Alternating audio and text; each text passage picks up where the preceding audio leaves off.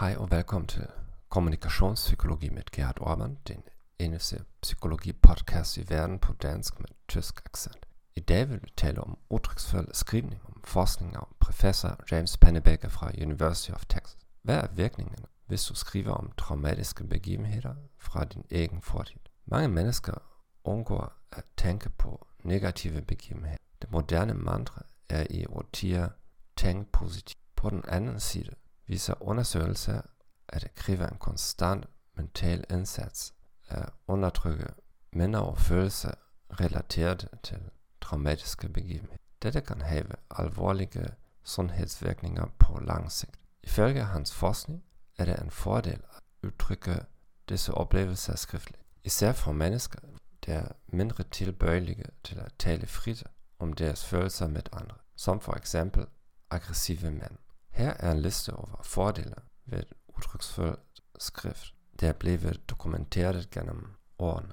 Immunsystemet fungerer forholdsvis bedre. Det reducerer vrede, depression samt symptomer på posttraumatisk stresssyndrom hos par.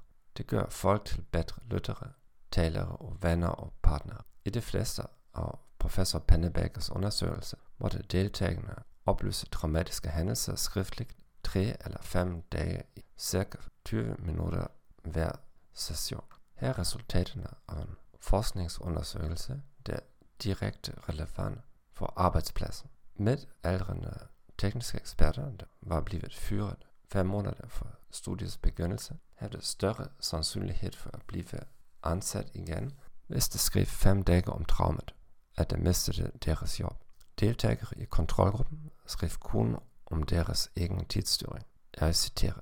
8 måneder efter, efter skrivemøderne havde 52% af gruppen med udtryksfuld skrivning fået nye job, sammenlignet med kun 20% af deltagerne i tidsstyring. De to grupper gik til samme antal interviews. Den eneste forskel var, at de ekspressive forfattere fik flere jobtilbud.